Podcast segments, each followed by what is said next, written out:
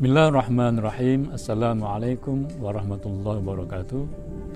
Alhamdulillahirabbil alamin. Allahumma shalli wa sallim wa barik ala sayyidina Muhammadin amma ba'd.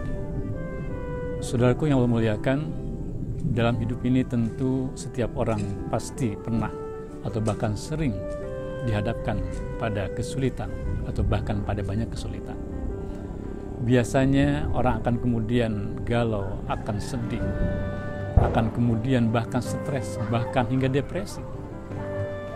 Tentu itu manusiawi.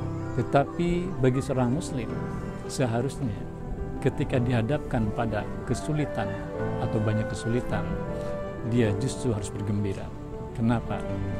Karena Allah jelas mengatakan dalam Al-Quran surat Al-Insirah ayat 5 sampai 6, A'udzubillahi minasyaitonir Bismillahirrahmanirrahim fa inna ma'al usri yusra inna ma'al usri yusra Sesungguhnya bersama kesulitan ada kemudahan.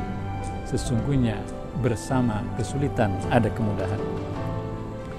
Berkaitan dengan hal ini Jabir bin Abdullah berkata saat turun firman Allah ini Rasulullah SAW kemudian bersabda yang kurang lebih artinya bergembiralah kalian karena satu kesulitan itu tak akan pernah mendominasi ataupun mengalahkan dua kemudahan dalam riwayat Al-Hakim dalam kitab Al-Mustadrak. Artinya apa?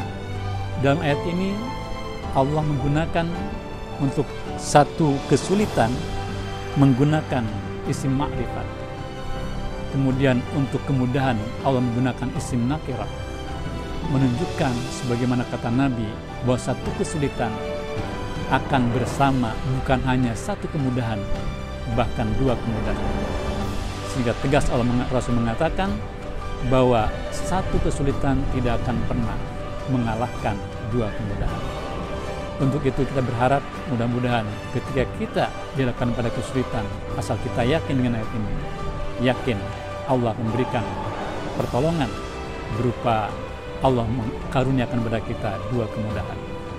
Bahkan Allah menggunakan kata-kata ma'a menunjukkan bahwa kesulitan akan selalu berdampingan, akan selalu bersama dengan dua kemudahan.